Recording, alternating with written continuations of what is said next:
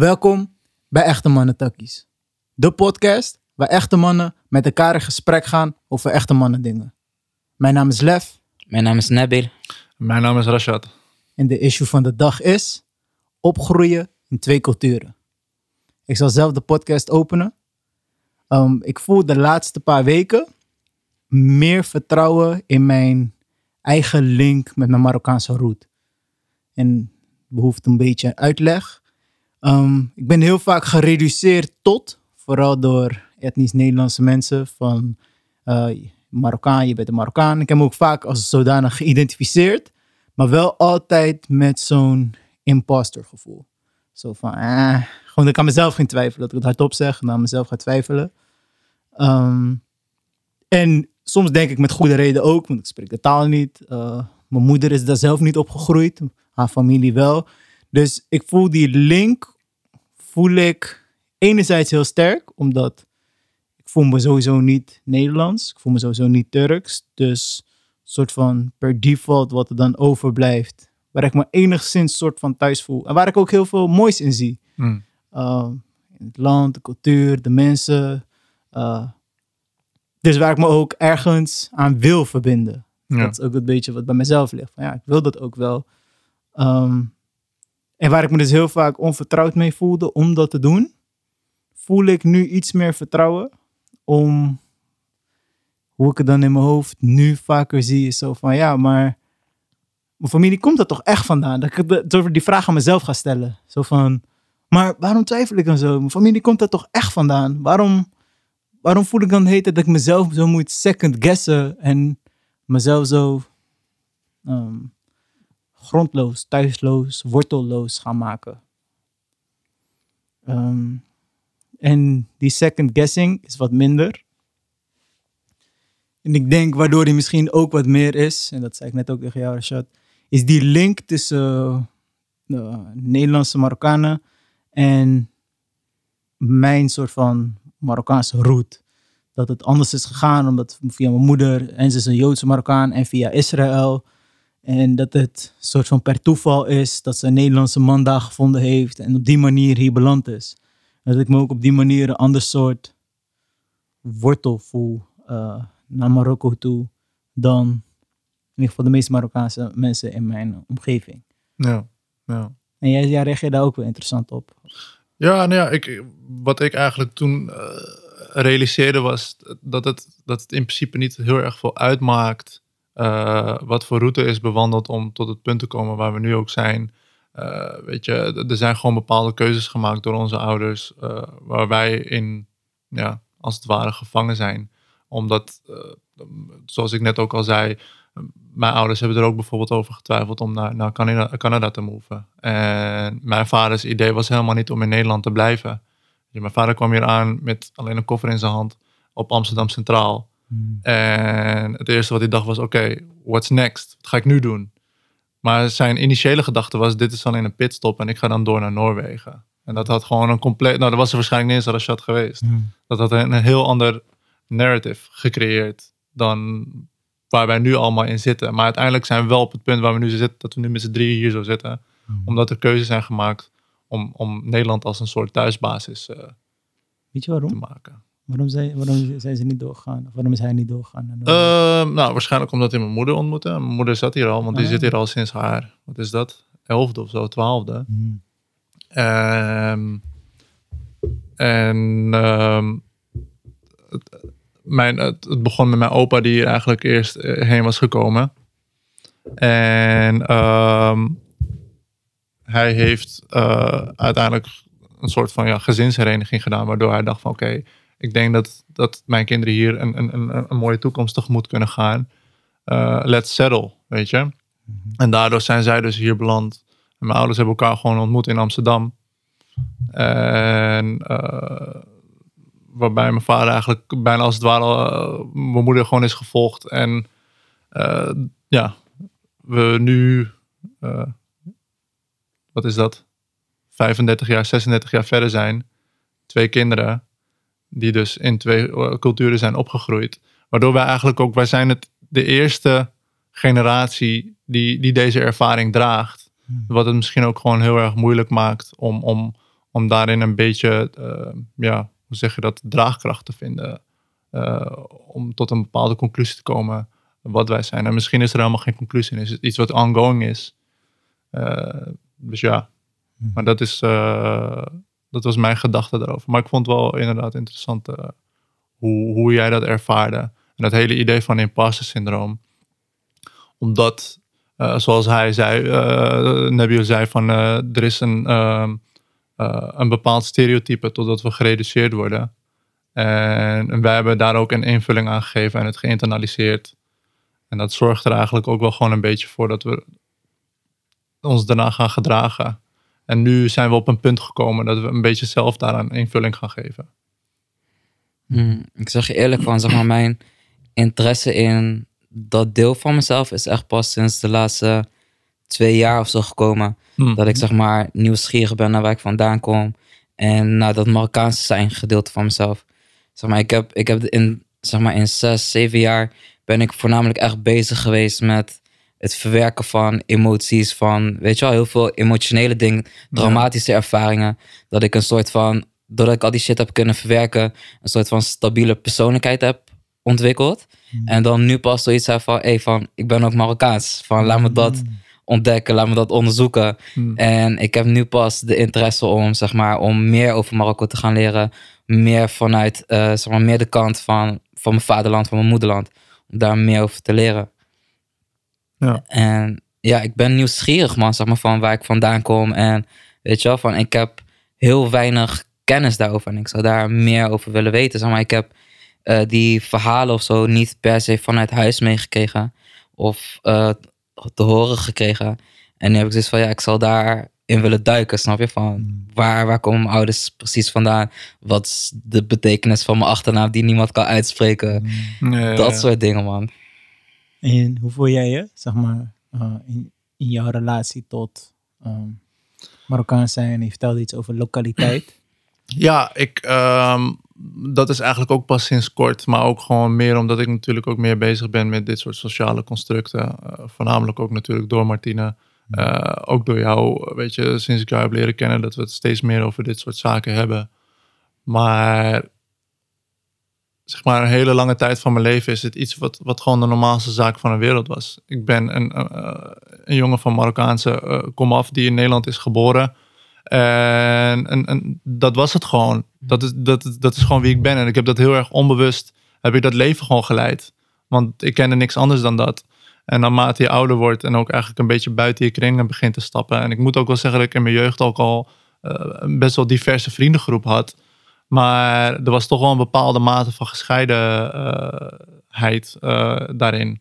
En nu de laatste tijd probeer ik daar meer zeg maar, te kijken van oké, maar wat zijn die grenzen nou precies? En ben ik het ook eens met deze grenzen? Weet je? En? Ehm, nou, blijkbaar dus niet, want ik ben gaan zoeken naar andere antwoorden. Ik wilde ook meer leren, zoals Nebje zei, van ik wil meer leren over eh, wat is mijn, eh, waar komt mijn achternaam vandaan. En het, eh, ook bijvoorbeeld het hele idee van stammen heb ik laatst met mijn moeder ook over gehad, weet je. Eh, mijn, eh, mijn moederskant is bijvoorbeeld eh Sergening. En mijn vaders kant, oh ben ik weer de naam kwijt. Wat was het ook alweer? Het was in ieder geval een stam die ergens meer richting het, het zuiden was. En waar die begon is dat ehm, eh, die zijn eigenlijk meer richting het, het noorden getrokken. Richting eh, Casablanca, Mohammedia en, en, en streken. En ehm, de, de, de voorvader van, van die stam was een soort van verbitterd. En daarom is hij weggegaan vanuit die plek. Ironisch gezien eh, waren ze dus blijkbaar mijn ouders ook weer verbitterd. En zijn ze weggegaan uit hun plek. Snap je? Maar, ehm, of nou ja, verbitterd wil ik ook weer niet zeggen. Maar eh, op zoek naar iets beters. Weet je, Eh, dat meer. En- en- ja, dus ik ben, ik, ik kan me wel herkennen in, in, in waar, waar Nebby nu ook doorheen gaat, ja. Hmm. En die lokaliteit? Die lokaliteit inderdaad, dat is iets, ik was een, wanneer was dat? Ik denk zo'n drie kwart jaar geleden was ik een TEDx aan het kijken. Ik ben haar naam eventjes kwijt. Zij had het over ehm, eh, iets, iets wat wij vaak allemaal eh, wel hebben meegemaakt, is dat mensen heel vaak vragen van ja, waar kom je nou eigenlijk precies vandaan? En het is een, het is een, een, hele, een hele aparte vraag om, om te krijgen. Omdat je eigenlijk gewoon in, in dezelfde, eh, op dezelfde plekken bent opgegroeid, bent geboren. Maar ehm, en het is ook gewoon heel erg generaliserend. En zij zegt, je kan beter vragen, eh, waar ben jij lokaal? Where are you local? Omdat je dan, daar draag je de ervaringen van. Dus als ik dan zou zeggen van, oké, als iemand mij zou vragen, waar ben ik local? Dan is dat, ja, nou ja, ik ben local in Amsterdam. Ik ben local in Lelystad. Ik ben local in Casablanca en Mohammedia. En dan, dan daar draag je ervaringen van. Want dat is iets wat je zelf hebt meegemaakt. En dat maakt het eh, de vraag ook veel zachter, naar mijn idee. En het brengt natuurlijk ook gewoon mooiere gesprekken natuurlijk naar voren. In plaats van, ja, ben je Marokkaan? Zeker. Ik had dat vorige festivalseizoen. Ik was daar met uh, um, mijn gitarist. En het werd een beetje zo'n running gag. Want als wij aan het dansen zijn, dan we krijgen zo vaak de vraag van vooral, vooral meiden die dan langskomen en dan gewoon zeggen van, hé, hey, waar komen jullie vandaan? Ik denk, het is zo niet interessant dat wij vandaan komen. Nou, als, wij, onze, onze running joke was gewoon, we zeggen gewoon altijd Arnhem. Arnhem, Arnhem, Arnhem. Dan zeggen ze, ja, waar kom je echt vandaan? Ja, Arnhem. Nee, maar waar kom je anders vandaan? Ja, Arnhem. Gewoon, gewoon bullshitten terug, omdat het is mhm. zo niet interessant. En wat ik het kwalijke daaraan vind, is je weet niks. Dus uh, juist, eh, zeg maar, in sommige situaties misschien meer dan in andere situaties. Maar bij mij, als ik zeg van, ja, mijn moeder is een Joodse Marokkaan opgegroeid. Weet je, ga, ga ik de hele tory op de dansvloer vertellen? Nee. Wat, wat, wat ga ik zeggen? En wat weet je dan nog? Als, ja. Alsnog, al zou ik dat zeggen. Ja. Überhaupt, wat weet jij van Marokko? Wat weet jij van Marokkaanse uh, Joden? Wat weet jij van mensen die in Israël opgegroeid zijn? En dan nog, mijn moeder heeft zo'n specifieke opvoeding gehad. Uh, en een specifiek soort leven geleid. Dat zelfs daarin kan je niet generaliseren. Dan ook nog naar Nederland gekomen. En dan ook nog in het dorp. Weet je, er zijn zoveel individuele nuances. Dat maakt niet uit welke generale term ik zou zeggen, je zou niks echt meer weten over mij. Het brengt niks teweeg. En die hele fatto is, mm. er is nooit een vervolgvraag. Nee, nee inderdaad. Like it stops there. Hey, ben je Marokkaan? Ja. Nee, maar weet je wat? Weet je wat? ja, that's it. Ja. Zeg maar van, als ze, als ze mij die vraag stellen van, ja, ben je Mar oh, weet dat, waar kom je vandaan? Dan zeg ik van, ja, Marokkaans. Dan van, oh, maar je bent eigenlijk helemaal, je komt helemaal niet zo over. Mm. Ja. Of van, oh, maar je lijkt helemaal niet Marokkaans. Hoe voel jij als je zoiets hoort? Ik, heb, ik, heb, ik vraag me altijd af van, oké, maar wat is voor jou dan, hoe ziet voor jou die Marokkaan eruit dan? Van, is het dan altijd die, hoe heet dat, zeg maar, uh, donkere soort van Marokkaan met krullen of met een patch of met de Gucci tas? Is dat de Marokkaan die je voor je ziet? Van, wat is de Marokkaan die jij voor je ziet bij, bij het horen van het woord Marokkaan? Ja. En het, het geeft me ook een soort van, weet je wel, zo van, oké, maar want wie ben jij om mij te vertellen van dat ik niet Marokkaans lijk. Mhm. Of dat ik me niet Marokkaans gedraag. Mhm. Snap je? Terwijl, Mhm. zeg maar van, ik draag heel veel bekende Marokkaanse eigenschappen. Ik ben fucking koppig. Ik ben heel eigenwijs. En dat soort dingen, weet je wel. En dan, dat heel veel mensen koppelen dat aan het Marokkaans zijn. Ja, oké, maar nu koppel jij dat ook. Ja, Vind je dat tuurlijk, echt? tuurlijk. Vind je dat echt zo? Dat, dat je die eigenschappen hebt, dat, het daaraan ligt? Denk je niet? Want nu Hm. klinkt het weer alsof je een format aan het maken bent. Ja. En stel je voor, we komen zo niet koppige, niet Ja, ja. dit Marokkaan tegen. Ja. Ga jij dan zeggen, oh, je bent niet echt Marokkaans? Mm. Ja, ja, is ook, is ook. Ja. Ja, klopt. Ja, maar dat is die internalisatie, weet Ja. je. Dus Ja. wij internaliseren een bepaald gedachtegoed die naar Ja. ons eh, wordt gepusht. En eh, dan, dan, dan het, het komt gewoon naar voren. We, like het, het soms gebeurt gewoon zonder dat je het door hebt. Het is Ja. gewoon heel Ja. erg onbewust. En dat maakt het ook gewoon een beetje lastig om, om, om daar dan van proberen af te wijken. Zonder dat je bijvoorbeeld ook het gevoel hebt dat je je een soort van imposter voelt. Omdat je Mhm. je niet gedraagt naar een bepaald eh, ja, beeld wat eh, gecreëerd is. Ja. Mm. Ik zal heel open met jullie zijn hè, over eh, dat hoe ik me voel bij als ik, hoe ik gezien word. Mhm. Ehm, als ik, de, de, ik heb lenzen in, maar als ik een bril op heb, ik heb, ik heb een bepaald soort bril, als ik een bril op heb en ik heb nu ook wat langer haar en het valt een beetje op een bepaalde manier, dan Mhm. krijg ik wel eens van vrienden dat ze dan zeggen, of van vriendinnen, die zeggen van, eh, eh, oh je lijkt echt Joods zo. En then I feel a type of way, want ik voel me niet Joods. En Mhm. voor mij betekent dat ook niks. En dan voor mij komt die hele associatie met Israël, met dit. Wat niet, niet zo hoeft te zijn, maar bij mij roept het dat wel op. En dan voel ik me een soort van niet echt gezien. En voel ik me, niet, voel ik me op een bepaalde manier op een bepaalde manier gezien waar ik me oncomfortabel bij voel en eigenlijk niet zo chill bij voel. Mm. Terwijl, en wat, dat, merk, dat merk ik dan, dat als, eh, dat als ik als Marokkaan word gezien of als Arabier word gezien, dat ik me ergens dan wel gezien voel. Wat ik, wat ik enerzijds ook raar vind, maar dat is wel zo. Als ik gewoon echt open ben over hoe ik me voel als ik dat hoor. En als, eh, hoe ik gezien word. Dat ik me ergens wel ingezien voel en dat anderzijds eh, niet. Ja. Waarom? Waarom? Dat, dat weet ik dus niet. Misschien dat Joodse kant, daar heb ik op een bepaalde manier heb ik daar niet iets mee. Maar ook als je zou zeggen van, oh, ik vind je echt lijken op een Turk. Dan zou ik me ook soort van niet gezien voelen. Weet je, dat- voor mij zou het zijn alsof je me als iets ziet Mhm. waar ik mezelf helemaal niet in kan vinden. Maar heb je wel een gevoel dat het een onderdeel van jou is? Zeg maar dat Turk zijn.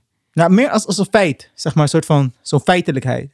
Zo van, ja, oké, mijn pa is Turks. Je hebt roots, ja. Weet je, Ja. ik, ik weet dat. Maar niet dat, dit, dat, ik me, dat ik een bepaald soort verband ermee voel. Zo van, yo, dit, dit beweegt me. En Maar hoe je komt dat het dat je wel- dat wel hebt met... Sorry. Ja, dan Ja. ga je. Hoe komt het dat je dat wel hebt met, met het Arabisch eh, zijn, zeg maar? het weet ik dus niet zo goed. Ik heb het idee, een, een idee, een hypothese is... Omdat ik echt al van jong, jong af aan... Vooral door Nederlandse mensen gezien word als... Mm. dat ik me dan ook heel erg in dat narratief kan vinden.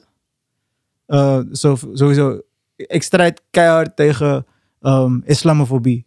Ook omdat ik het uit principe iets vind wat, wat, wat niet hoort te bestaan in een, eh, in een samenleving. Ja. Maar ook omdat ik de slachtofferschap daarin tot bepaalde mate wel herken in gereduceerd worden tot moslim en die hele beeldvorming die rondom de verschijning van een moslim hangt, die ook wel op me gedrukt is. Dus ergens voel ik me daar zo mee ja, vereenzelf, vereenzelvigd Mhm. op een bepaalde manier. Mm. Alsof ik daarmee samenval. Als iemand dan zegt, nee, maar het is niet zo.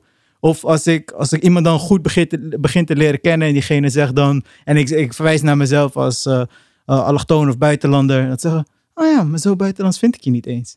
Dan voel ik me zo niet gezien dat ik denk... Huh, wie ben jij dan voor mij te bepalen hoe buitenlands ik wel en niet ben? Of, Mhm.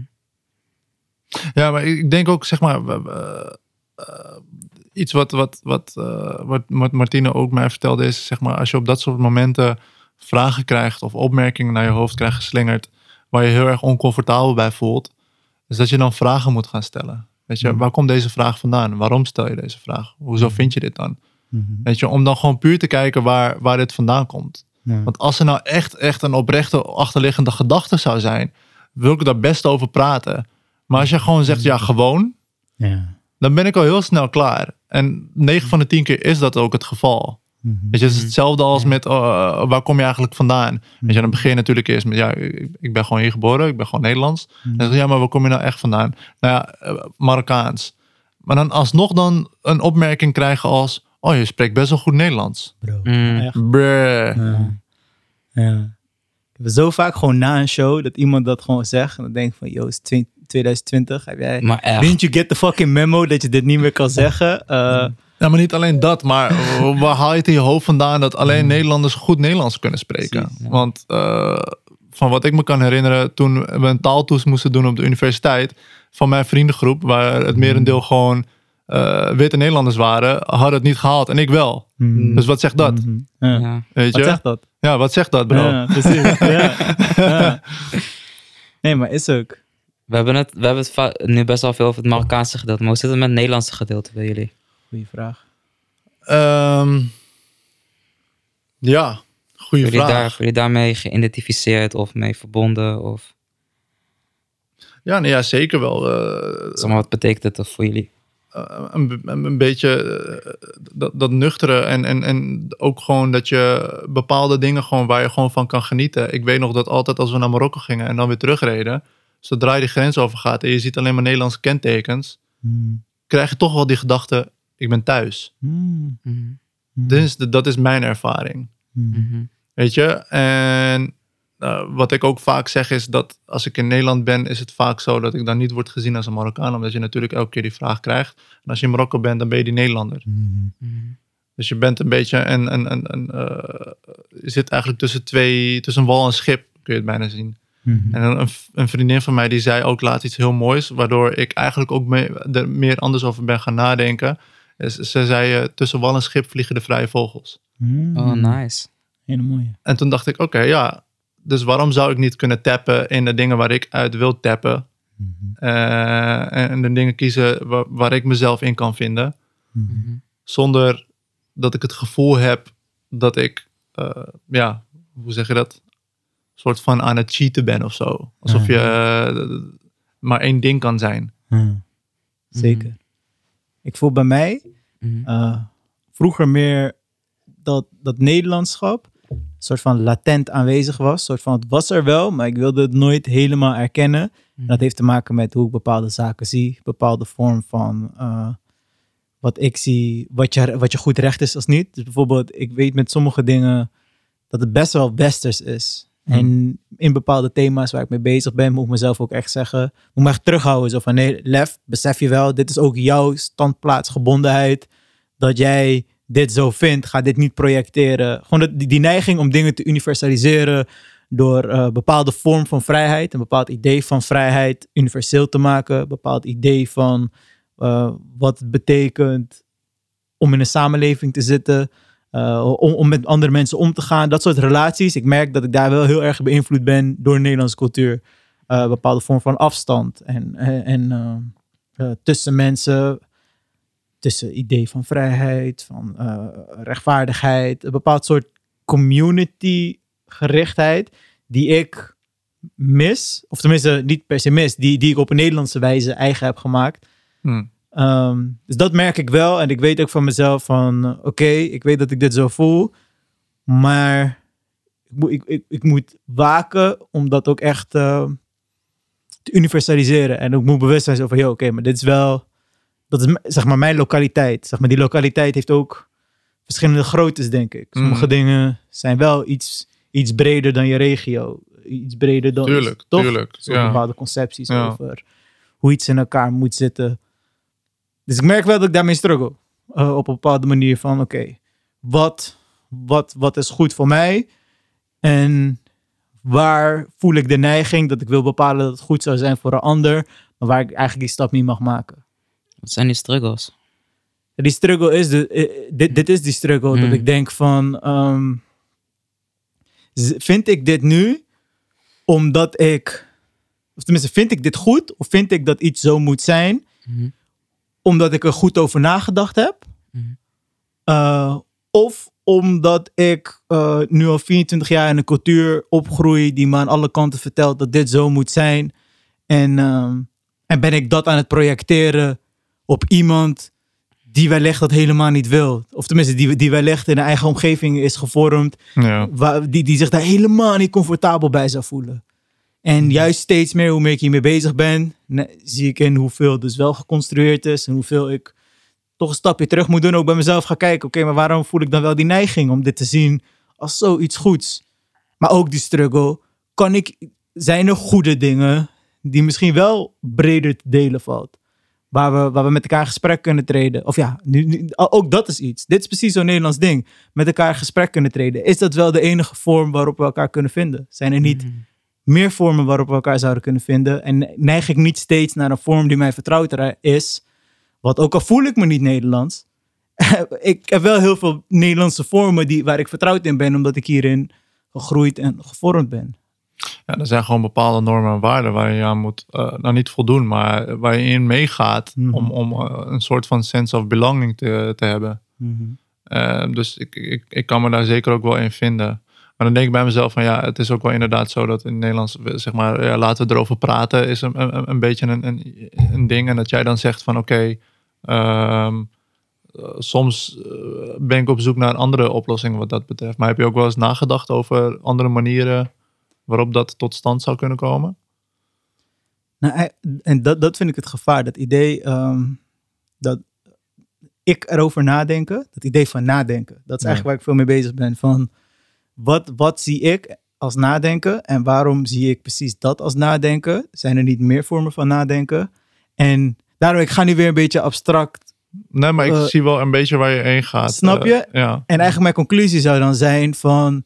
Ik kan dat voor niemand bepalen. Dus de enige manier waarop ik, wat ik zou kunnen doen... is op een bepaalde manier vragen of, of ruimte creëren... dat de ander zich niet alleen veilig voelt, maar ook uitgenodigd voelt... om te zeggen hoe, hoe ik diegene recht kan doen in ons contact. En ook andersom, dat ik Ja. de ruimte heb hoe ik... Snap je? Dus in plaats van dat ik probeer... eh, wat ik best wel een Nederlandse houding vind... gewoon heel erg van mijn positie gaan kijken... en, en dat te gaan universaliseren en zeggen zo is het voor ons. Dan kijk oké, hoe maak ik ruimte voor die ander? En hoe maken we een space waar we beide ruimte kunnen innemen? Niet ten koste van elkaar, maar met elkaar. Ja. En dat ik je kan vragen. En als ik je taal niet spreek, dat ik probeer met handen en voeten te vragen van, eh, weet je, uit te schrijven. Ik zoek een vertaler. Dat we moeite nemen om erachter te komen hoe, hoe, hoe gaan we deze, als er al een soort van kloof is, die ik denk die er niet Hmm. eens is. Want als we een ruimte delen, dan is ik heel veel, heel groot deel van die kloof is al opgeheven. Ja, Dus, maar dat is misschien het probleem, want wij zitten vaak niet in dezelfde ruimtes. ja. Wat voor mij is het probleem? Nou ja, het, ehm, om, om, omdat er dan bijvoorbeeld, zeg maar, eh, zeg maar de, de, de, stereotypes die worden gecreëerd, ehm, het idee van, van hoe een bepaald persoon moet zijn en hoe mensen daarnaar kijken,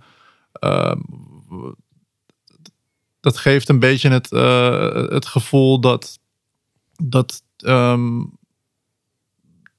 ja, dat er eigenlijk niet echt over wordt gepraat. Zeg maar, er wordt niet naar elkaar toe gepraat. En als er een keer naar elkaar toe wordt gepraat, dan is dat al vaak op een bepaalde intensiteit. En er zijn weinig momenten, tenzij we natuurlijk soort van gedwongen worden. Of dat nou op basis is van eh, omdat we samen studeren of op, in dezelfde klas zitten. Of eh, hetzelfde baantje hebben. En dat we dan toch wel wat dichter bij elkaar komen. En dan bepaalde dingen, eh, los van onze professionaliteit of whatever, naar voren beginnen te komen. Omdat wij een bepaald geloofsbelijdenis hebben. Of omdat wij bepaalde dingen vieren of dragen of whatever. Eh, dat er dan vragen beginnen te komen. En omdat je dan iets wat onbekend is, bekend wordt.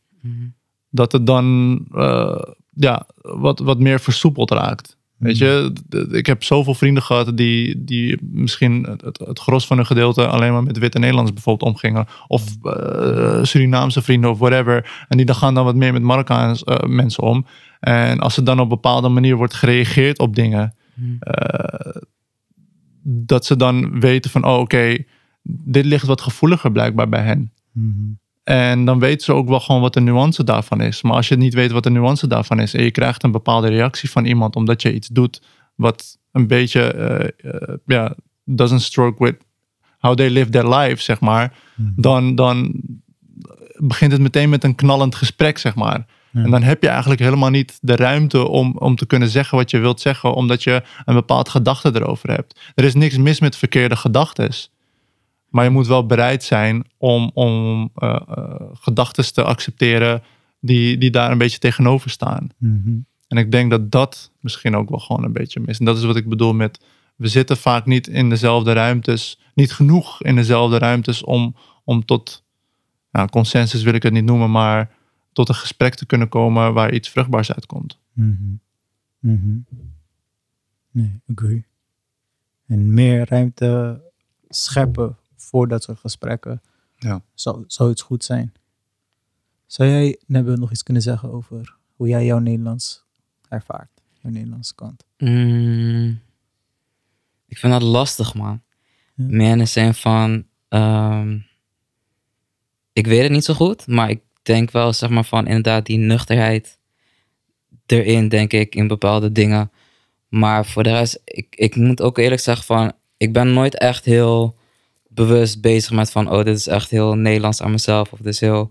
Zeg maar, ik kijk niet op die manier... Zeg maar, heel vaak andere mensen kijken op die manier naar mij, weet je wel. Van dat ik van anderen te horen krijg van... Oh, dat is wel, weet je wel, je, je gedraagt je echt net als een tata. Of oh, dat is echt heel. Marokkaans van je. Ik ben helemaal, zeg maar, ik ben helemaal, zeg maar, niet op die manier met, met mezelf bezig naar dingen te kijken. Ik probeer gewoon puur vanuit mezelf te reageren waarvan ik denk van, oké, dit is eh, authentiek aan mezelf. Hoe ik zou willen reageren in die situatie. Want ik wil, ik wil niet, zeg maar, alles in het hokje stoppen van, het is Marokkaans, het is Nederlands.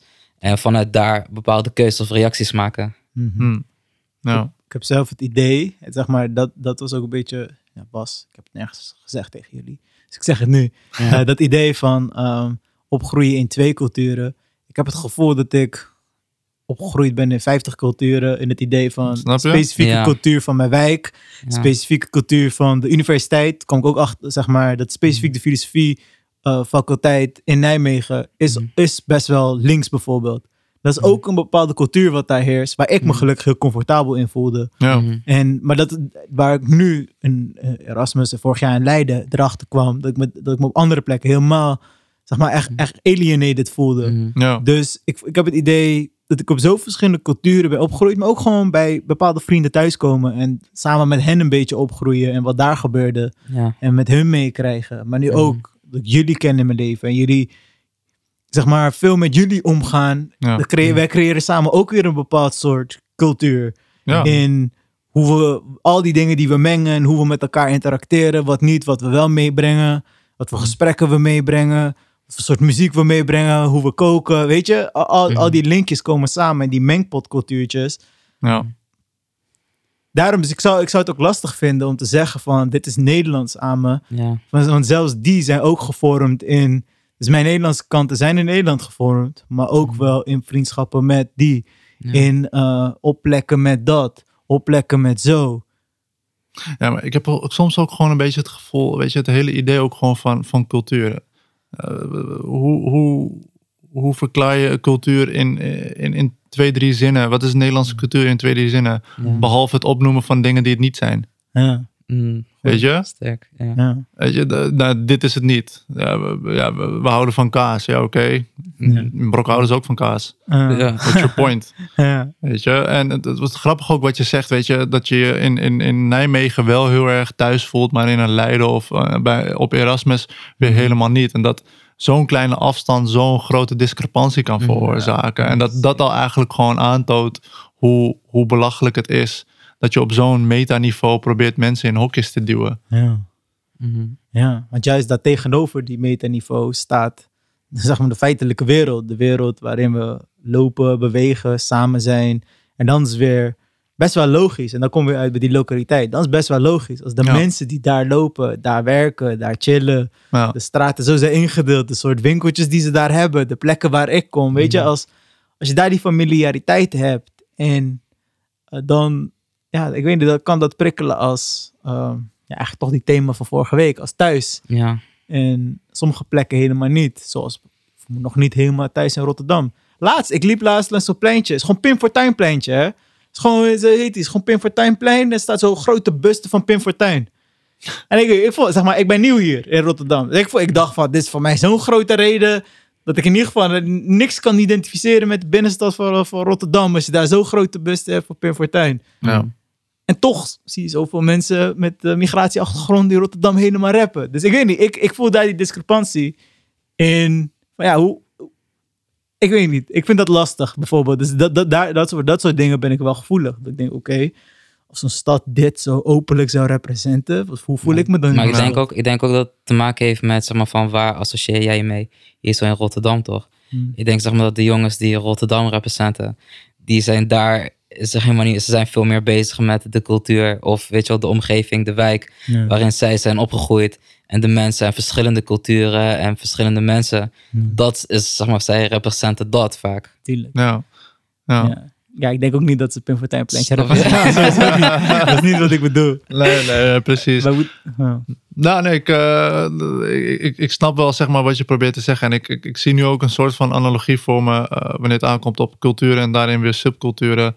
Is het, zeg maar, eh, als, als Rotterdam een, eh, als cultuur een, een, een, eh, een waterschap zou zijn, dan is het niet één groot waterschap. Dan is het, dat zijn meerdere vijvers Ja. verdeeld over heel Rotterdam. En waar ben jij dan bereid om jou, jou, jouw voeten in, in te dippen, zeg maar? Mhm. Wat vind jij aangenaam om wel je voeten in te dippen en, en wat niet? En wie, wie de fuck bepaalt dan Mhm. Eh, of je in genoeg water je voeten hebt gedipt om te kunnen zeggen van ja, jij bent een Rotterdammer of ja, jij bent een Nederlander. Ja. Hoe de, wie, wie, wie zegt dat? Ja, maar aan de andere kant is niet per se wie zegt dat. Maar als ik zomaar naar een vijvertje loop en iedereen daar praat een bepaalde taal, er is gewoon voorgeschiedenis bij dat vijvertje. Er is heel veel en opeens wil ik daar komen en mijn voeten erin zetten. Op een of andere manier kan, je, kan ik me wel voorstellen dat het vijvertje niet helemaal welkoming gaat zijn.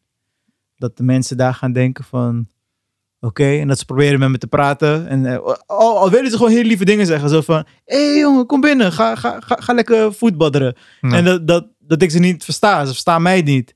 Weet je? En dat, dat, dat die kloof ook tussen dat je wil me wel welkomen. Het is niet dat je niet welkom bent, maar iets aan de situatie eh, zorgt ervoor dat, dat ik niet helemaal in dat vijvertje kan stappen. En dat, dat, dat is dus precies, dan komen we weer terug bij het begin van wat ik dan heb met eh, die imposter, met, met die Marokkaanse cultuur. Dus in principe, niemand kan voor mij bepalen dat ik geen Marokkaan ben. Nee. Niemand kan, kan voor mij zeggen van ja, je voldoet niet aan die eigenschap, aan dit Hmm. en dat en dat. Eh, dus er is in principe geen regel. Nee. Behalve, zeg maar, als je helemaal niks mee te maken hebt, zou het wel raar zijn. dat zou wel echt weird zijn. Daarom, dat, dat, dat- dus er is ergens wel iets voor te zeggen, toch? Ja. Dus Nee, nee, zeker. toch, er, er is iets te zeggen van, oké, als je er echt niks mee te maken hebt, is het wel een beetje raar als je gaat zeggen, ik ben Marokkaan. Je huh, oké. Maar als er in principe een link is, wat bij mij is, is er een link. Mijn Ja. opa en heel, die achtergrond komt daar vandaan. En toch is er niet iemand die mij kan zeggen van, jij hoort niet in dit... Oké, mijn familie komt uit Dravallei. Dat was een dorpje, daar had mijn opa ehm, eh, schapen, kamelen en zo'n kleine groentewinkeltje. En niemand kan mij zeggen, jij komt daar niet vandaan of dit, dit, heeft- dit is niet van jou. En alsnog is er iets in deze structuur waardoor ik mijn voet niet zo makkelijk daarin kan zetten en zeggen, ah, dit is mijn voetbaddertje. Hier ga ik, Ja, ja, ja. eh, hier ga ik zwemmen. Nee, dus het hoeft niet per se iemand te zijn, maar Maar misschien is het dan wel inderdaad ook gewoon dat je, eh, zeg maar, je weet waar je vandaan komt. Je weet wat het inhoudt. Maar het is nooit echt een, eh, maak ik assumptie nu, een ervaring voor jou geweest. Ja. zal het daaraan liggen, de ervaringen. Dat, dat dat het misschien is. En dat daarom misschien bepaalde vijvers voor jou als heel erg onbekend voelen. Ook al lijken ze heel erg aangenaam en heel erg uitnodigend. Ja, dat je het jezelf, is ook weer een assumptie natuurlijk, van dat je het zelf nooit eigen hebt gemaakt toen het, zeg maar, in je kindertijd bijvoorbeeld. En dat je daardoor daar nooit die relatie, een relatie mee hebt gehad en dat je daar nu pas mee bezig bent. Mm. Ja, en ik blijf terugkomen dat taal wel belangrijk is. Taal is sowieso belangrijk. Ja. Communicatie. Hoe wil je anders zeg maar, met de mensen in, in contact komen? Dat is het. Ja. Ja, maar ik denk, zeg maar, van, ook al spreek je, me- zeg maar, van, ik ben dus toen in september met, eh, naar Marokko gaan met een Turkse vriend van me. Ja. En ehm, zeg maar, mijn oom, die had ons af en toe, nam die ons wel eens gewoon mee, weet je wel, om wat van de stad te zien en zo. En zij spreken allebei mekaars taal niet, Hmm. maar toch voelden ze elkaar aan. En ik was dan wel, ik was dan wel de vertaler ervan, maar op de een of andere manier begrepen ze elkaar wel zonder dat ze zeg maar echt veel met elkaar uitwisselden. Mm. Alleen maar door aan de hand van, weet je wel, daar dit en dit. En af en toe vertelde ik wel iets. Maar het leek wel alsof ze elkaar wel gewoon konden Dat is wel aanvoelen. Ja, maar ik voel je, Mhm. maar dat is wel iets anders dan... Je oom zou niet denken van, oh, hij is een van ons. in, zeg maar, eh, alleen maar vanwege, zeg maar, eh, zeg maar van, hij zei, wel, hij zei wel bijvoorbeeld van, hij zou zo een van ons kunnen zijn. Alleen, Als?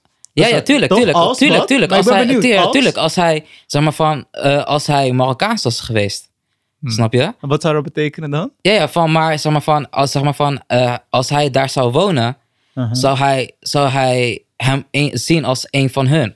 Omdat Alleen zij, wonen. Ja, alleen wonen. Dat Oké. is, zeg maar van, hij zei van, hij zou hier zo makkelijk tussen kunnen passen. Dus is, is het dan toch die lokaliteit? Zo van als je ergens bent, fysiek, Ja. maakt niet uit of je de taal spreekt of niet, dan, Mhm. Dan is het al makkelijk om zeg maar je voet Precies, in de als jij, vijver... ja, als jij, als jij je zeg maar. Ik denk dat het ook heel erg te maken heeft met hoe gedraag jij je. Als jij je op een bepaalde manier gedraagt, zo van: dit is mijn stad, terwijl je totaal geen connectie meer hebt en anderen vinden, weet je wel, een soort van hoogmoedige, arrogante houding. Mhm. Dat, dat die associaties veel, eh, weet je wel, dat mensen je veel minder welkom vinden of dat je veel minder daarbij tussen past. Maar zeg maar van zijn gedrag kwam zo erg overeen met hoe de Marokkanen zich daar zo gedroegen Mhm. dat het leek zo van, hey, van je bent gewoon welkom gewoon naar Marokko, weet je wel? Ja, Van, ja, je ja. bent welkom hier. Ja. Oké. Omdat je bent, zeg maar, ook, het is ook die nieuwsgierigheid, weet je wel? Van als, hij, als jij je gesloten opstelt en helemaal geen interesse hebt in de belevingswereld van die persoon die daar vandaan komt, Ja. dan is die connectie al niet gemaakt. Ja. Ja. Nou, maar misschien is het dan ook wel gewoon. eh, zou het dan niet kunnen zijn dat de karakteristieken die die vriend van jou dan draagt. eh, enorm overlappen met de normen en waarden die de cultuur vormen, dan zeg maar. Precies, precies. Waardoor hij zich ook gewoon een beetje voelt van: hey, dit, dit zou. Mijn Turkije kunnen. Dit, ja, dit, ja. Ja. precies. Dit zou iets. Bijvoorbeeld, ik, ik ben obsessed met Japanse cultuur. Mm, ja. Mm. Ik heb nul verbindenis daarmee of whatever. Behalve dat ik daar ben geweest. Dat ik bepaalde dingen kijk die in het Japans zijn. eh, begrijp hoe bepaalde dingen werken eh, in, de- in, in hun sociale constructen. Mhm. Maar ik, ik heb er zelf inherent niks mee. Ja. Mm. Maar ik vind het gewoon interessant. Ik vind het gewoon dope hoe die mensen leven. Eh, Dat ik dan ga denken van, oh, hoe, zou ik hier tussen functioneren? Weet je? Mm. Maar het is niet dat ik, dat ik, dat ik me Japans voel of zo. Mhm. I just vibe with it. Ja. Ik moet denken aan twee dingen. En ik ben benieuwd wat je vindt. Dit is volgens mij een van de laatste thema's die we kunnen aanstippen. Hm. Mm. Ehm, enerzijds aan het spiegelen. Dus als je in een cultuur bent eh, waarbij je zegt het overlapt. Dus of het kan overlappen omdat jij gewoon zo goed matcht met die cultuur. Maar wat ik best wel merk. En eh, nu komt het tweede ding. eh code switching. Ja. Zeg maar die relatie tussen eh, spiegelen en code switching. Ehm, en ik ga jou zo vragen om het uit te leggen en toe te lichten hoe jij dat voelt. Hm. Maar hoe ik zie, als ik best als ik ben een paar keer gewoon alleen op reis geweest, waaronder maatje Marokko, maar ook naar andere plekken. En ik merk aan mezelf dat ik wel heel veel probeer te spiegelen wat er gebeurt in die cultuur, als een vorm van aanpassen. Ehm, maar dan wat ik dan terug meeneem, of tenminste niet eens terug meeneem, maar wat ik hier ook doe, is bijvoorbeeld als ik met Nabil ben, dan praat ik veel meer straattaal. Mijn nichtjes hebben me daarop gewezen. En Als jullie, ik weet dat jullie luisteren. Ja. shout-out naar jullie schatjes. Maar eh, zij hebben mij daarop gewezen dat als ik met Nabil praat, of in deze podcast, praat ik veel meer straattaal dan als ik met hen en mijn zussen praat. En dat is ook code switching. En dat is ook een vorm van spiegelen, maar niet eens bewust. Het is niet alsof ik denk van oké, nu ga ik zo praten, nu ga ik zo praten. Nee. Op Unie praat ik anders, met die vriendengroep praat ik anders. Ja. Dus dat is ook iets wat die opgroeien in meerdere culturen eh, met ons Mm. doet of zo. Of tenminste, het- geeft ons de mogelijkheid om zoveel op verschillende manieren te spiegelen. En die code switching op je, op- om je op verschillende manieren thuis te voelen.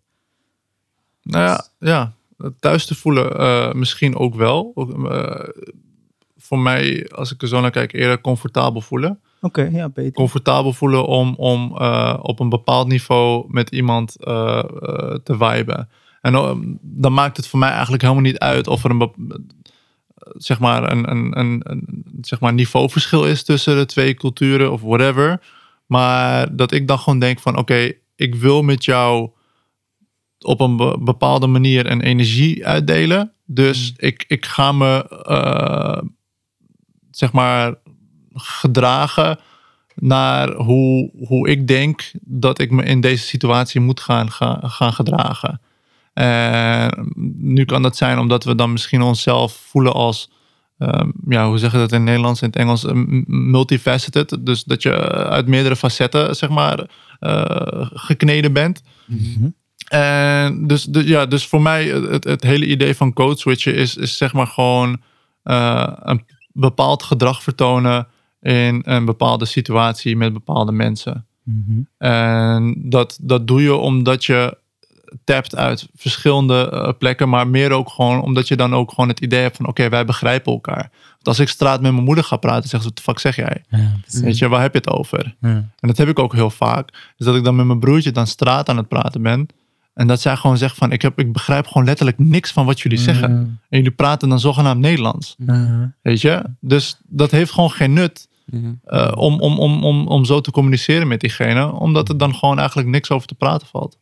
Heel goed. Maar, maar denken jullie zeg maar, dat daar een grens in zit tussen zeg maar, eh, het switchen daarin en jezelf volledig aanpassen aan de persoon wie je tegenover je hebt, waardoor je jezelf daarin kwijtraakt? Dat vind ik tricky. En daar heb ik geen antwoord op. Nee. Zeg maar, maar dan is het misschien iets... ehm, ik denk dat het misschien ook wel meer persoonsgebonden is. Ja. Mhm. Dat er gewoon bepaalde personen zijn, maar dan he- heeft het meer, denk ik, te maken met, met de persoon zelf. Mhm. En situatie. Tenminste, bij En de mij. situatie ook natuurlijk waar je je bevindt. Ja, zeker, zeker. Sommige situaties voel ik me niet veilig om helemaal mezelf te laten zien. Mhm. En als ik mezelf niet kan laten zien, dan ga ik kijken naar mijn omgeving van oké, eh, hoe moet ik me dan laten zien? Vooral vroeger had ik dat meer. Nu heb ik iets meer scheid. Vooral omdat er zijn, en ja, oké, eh, ik ga weer een beetje pretentieus maken, maar voor mij heeft het ook wel een relatie met macht. En ik kom nu in best wel weinig situaties waarin iemand een bepaald soort machtspositie over mij heeft, waarbij het gevaarlijk is als ik als ik echt mezelf laat zien. Of waarbij Mm. iets van mezelf in principe mij in het geding kan brengen. Nu kom ik daar eigenlijk niet meer zo vaak. Vroeger had ik dat veel vaker. En het kan zijn een sollicitatiegesprek, een, eh, eh, eh, een aanvaring met de agent of iets. Weet je, op een Ja. manier dat ik dan onzeker word van mijn positie. En dan denk van oké, shit, het is volgens mij niet veilig als ik echt mezelf ga zijn. Mhm. En dat ik dan ga denken, oké, eh, als ik niet weet wie ik moet zijn, dan ga ik gewoon spiegelen. Vind ik een hele Eh, goeie. Ja. Want, snap je? Maar nu kom ik daar veel minder. Het is eigenlijk vanaf ongeveer mijn laatste twee jaar op de Unie, dat ik me veel comfortabeler voelde. Jongensbroek naar Unie. Ah, weet je, heel veel comfort, Mhm. meer comfortabel met zoeken wat mijn authentieke gedragingen zijn. Ja. Mhm. Ja. En, daarin, en ook dus in situaties terechtkomen waar niet iemand ehm, een machtspositie over mij heeft. Wat dus ook heel erg kan verschillen met andere mensen en andere luisteraars. Waardoor het ook geen aanval is. Zo van, je moet altijd proberen jezelf te behouden. Want het kan best wel vaak voorkomen dat Ja. je jezelf voor je eigen veiligheid weg gaat cijferen. Of tenminste je authentiek gedrag weg gaat cijferen. Zodat je, of you don't stand out. Zodat je niet opgevallen wordt. Omdat anders kan iemand iets zeggen tegen je. Mhm. Of eh, voordat je iets achterlaat bij iemand die dan op een bepaalde manier gaat oordelen, zodat jij de positie niet krijgt of dit niet krijgt. Ja. Dus ik merk wel dat dat heel vaak momenten zijn geweest dat ik mezelf in het geding heb gebracht. Of in ieder geval gezegd heb van oké, ik wil nu een bepaalde, ik wil nu mezelf laten zien, maar dat gaat niet slim zijn. Nee, nee. En jij? Ehm, ik probeer wel, ik zeg ik van, ik probeer vaak wel gewoon altijd mezelf te zijn in elke situatie, in hoeverre dat natuurlijk mogelijk is. En want ik, zeg maar, van die, de reden waarom ik deze vraag stel is van, ik heb het een keer gezien bij een vriend van me. En we waren met, zeg maar, er was een, in ieder geval doet het niet toe. Heet dat van, we waren met, eh, opeens met white people en hij switchte helemaal, hij veranderde in een hele andere persoon. Zeg maar, zijn hele energie was zo afgestemd op de persoon die hij tegenover zich had. En ik was gewoon cool met, weet je wel, van hoe ik nu, zeg maar, de manier van hoe ik met jullie praat, zo was ik gewoon, zeg maar. En ik schrok zo erg van hoe hij zichzelf helemaal wegcijferde. En een hele andere persoonlijkheid werd. En zichzelf zo erg aanpaste dat ik dacht van, bro, doe gewoon rustig. Van, het leek al heel erg op een overlevingsmechanisme van wat hij vaker heeft gebruikt in dat soort situaties. Mm. Van ook van wat je net zei natuurlijk. En zeg maar van wat, wat ik daar zo gevaarlijk aan vind, is dat, dat je jezelf heel erg eh, wegstopt en jezelf eh, wegcijfert en jezelf kwijtraakt. En dat je op een gegeven moment bij jezelf gaat afvragen, maar van wie ben ik dan? Of weet je? Ja. Omdat je dan constant aan het switchen bent en dan Ja. zoveel verschillende vormen van jezelf hebt. Die hebben sowieso wel. Maar dat je dan gewoon kwijt, de weg kwijt bent. Ja. En ehm, ik probeer wel altijd een soort van vaste basis van Nebula te laten zien. Van hoe ik zeg maar met jullie functioneer. Zo zou ik ook vaak zijn in andere situaties. Natuurlijk wel bepaalde hoogtes van wat ik van mezelf laat zien. Maar er is wel een vaste vorm die ik bijna in elke situatie wel laat zien. Ja. ja, mooi man. Ja, nee, dat vind ik een hele mooie hoe je het nu omschrijft, inderdaad. Hmm. Ik voel dat het idee van ehm, je helemaal wegcijferen. Ik wil juist ook comfortabel zijn met het idee dat ik ook verschillende facetten heb. En dat het Mhm. niet hoeft te betekenen dat ik mezelf aan het wegcijferen ben. Mhm. Dus bijvoorbeeld als ik op een bepaalde manier praat met mijn nichtjes en met jou heel anders praat, dat dat niet betekent dat ik voor jou anders doe eh, of voor mijn nichtjes anders doe, Mhm. maar dat ik beide ben. Ja. Alleen dat het op een bepaalde plek, inderdaad, zoals jij zei, Rashad, n- gewoon het, de communicatie in de weg zit. Of ook gewoon de energie van de ruimte, de interactie. Mm, mm. En wat, wat dat met je, bij me oproept. Want Mhm. het is geen keuze. Het is niet dat ik actief denk van... Oh, oké, ik wil nu dit woord zeggen, maar dat gaat hij niet snappen. Dus dan ga ik dit zeggen. Nee, het gaat gewoon... Die instant switch. Ja. Van, eh, oh, dan praat ik zo... Als ik, dan, als ik nu gebeld zou worden door een potentiële opdracht eh, of werkgever... Ja, Dan zou, dan zou mijn toon, eh, mijn uitspraak... zou ook echt wel iets veranderen. sowieso. Ik weet het 100% Ja. zeker. Ja. Mhm. Ja. En dan, ik heb niet het idee dat ik mezelf aan het wegcijferen ben. Dat is ook een manier voor mij. Namelijk, dat is lef aan de telefoon met iemand, eh, met de opdrachtgever. Waarbij ik denk van, oké, dit is gewoon blijkbaar mijn manier hoe ik, hoe ik dat heb eigen gemaakt. Het, is niet, het staat niet super ver weg van hoe ik normaal praat. En dan kost een is een bepaald soort energie die het wel kost om net iets anders te articuleren. Maar ook dat gaat niet bewust. En dat is dan wel de interessante vraag. Wel of niet bewust? Niet bewust. Ik denk niet bewust aan de telefoon na van, Ja, oh, ja, wow, ik moet mijn R niet Nee, zo dat, uit. dat bedoel ik, ja. Ja, nee, precies. Nee, zeker. Ik, ik, zeg maar, ik begrijp helemaal wat hij bedoelt. Dat is ook wat ik aan het begin zei. Is dat Martine vaak opmerkte. Dat, en dat ze dan ook zei van... Ik heb soms het gevoel dat jij niet weet waar jij, eh, waar jij eindigt en waar anderen beginnen. Mhm. Ehm, dus dat je wel in ieder geval ervoor moet waken dat je weet een beetje waar die grens zit. En je kan er soms overheen gaan en je kan er soms juist meer aan jouw kant zitten. Maar dat er wel een soort van ehm, eh, meet me halfway eh, gedachte achter zit. Mhm. Wanneer je met iemand aan het praten bent. Ja. Of althans, I'm not going the full way ten koste van mezelf. Precies, Ja. precies. Ik vind dat wel een mooie conclusie. ja, man. Ja. We, hebben, eh, we hebben veel gezegd, mooie dingen gezegd. Zijn er nog dingen die jullie willen aanstippen? Daar is nu Ik ruimte vond het voor. een mooie einde, man. Ja, sterk einde. Ja. Rashad, super bedankt dat je helemaal uit Amsterdam hierin bent gekomen. Man. Jullie wel, man. van werk. Dank jullie wel voor het uitnodigen, man. Ja, man. Erg interessant te hebben, man, bro. Thanks, thanks. Ja. Vond je het een nice gesprek? Ik vond het een heerlijk gesprek. Kon je Man. iets van jezelf erin kwijt? Ik kon... Was het niet duidelijk? Ja, ja, ja. nee, nee, nee, nee, nee, kijken. I'm just saying, I'm just saying. Nee, maar nee, dat is zeker, zeker. Eh, ik, ik voelde me gewoon heel erg vrij om te kunnen zeggen wat ik wilde zeggen. En eh, ja, daar is dit toch voor, hè? Ja, Echte mannentakkies. Echte man, Ja. Sowieso. Shout-out doen naar iemand iets? Shout-out naar mijn boys. Hey. Connection, je weet. Ja, Shout-out toch? naar mijn girl, Marty. Ja, ja, ja. Hey, shout-out naar Marty. Ik wil jou ook nog in de podcast. Dus bij deze, ik heb het je nog niet formeel uitgenodigd. You heard it Volgend seizoen, Marty komt ook. Marty van Wonder Woman. We hebben nu gewoon meteen een shout-out gegooid. Verwacht haar in het tweede seizoen. Let's Ja, get toch? it. Ehm Mary, je bent ook super welkom. Let's go dit. Uh, Nabil, hartelijk bedankt voor de takkie. Ja, ook, man, bro. Rashad, nog een keer bedankt. Thank you. Shout-out naar Thuis op Straat. Uh, jongere bijdrageregeling Ja, toch? voor sponsoring dus. Uh, en iedereen die luistert, super veel lobby. En het gaat jullie goed, man.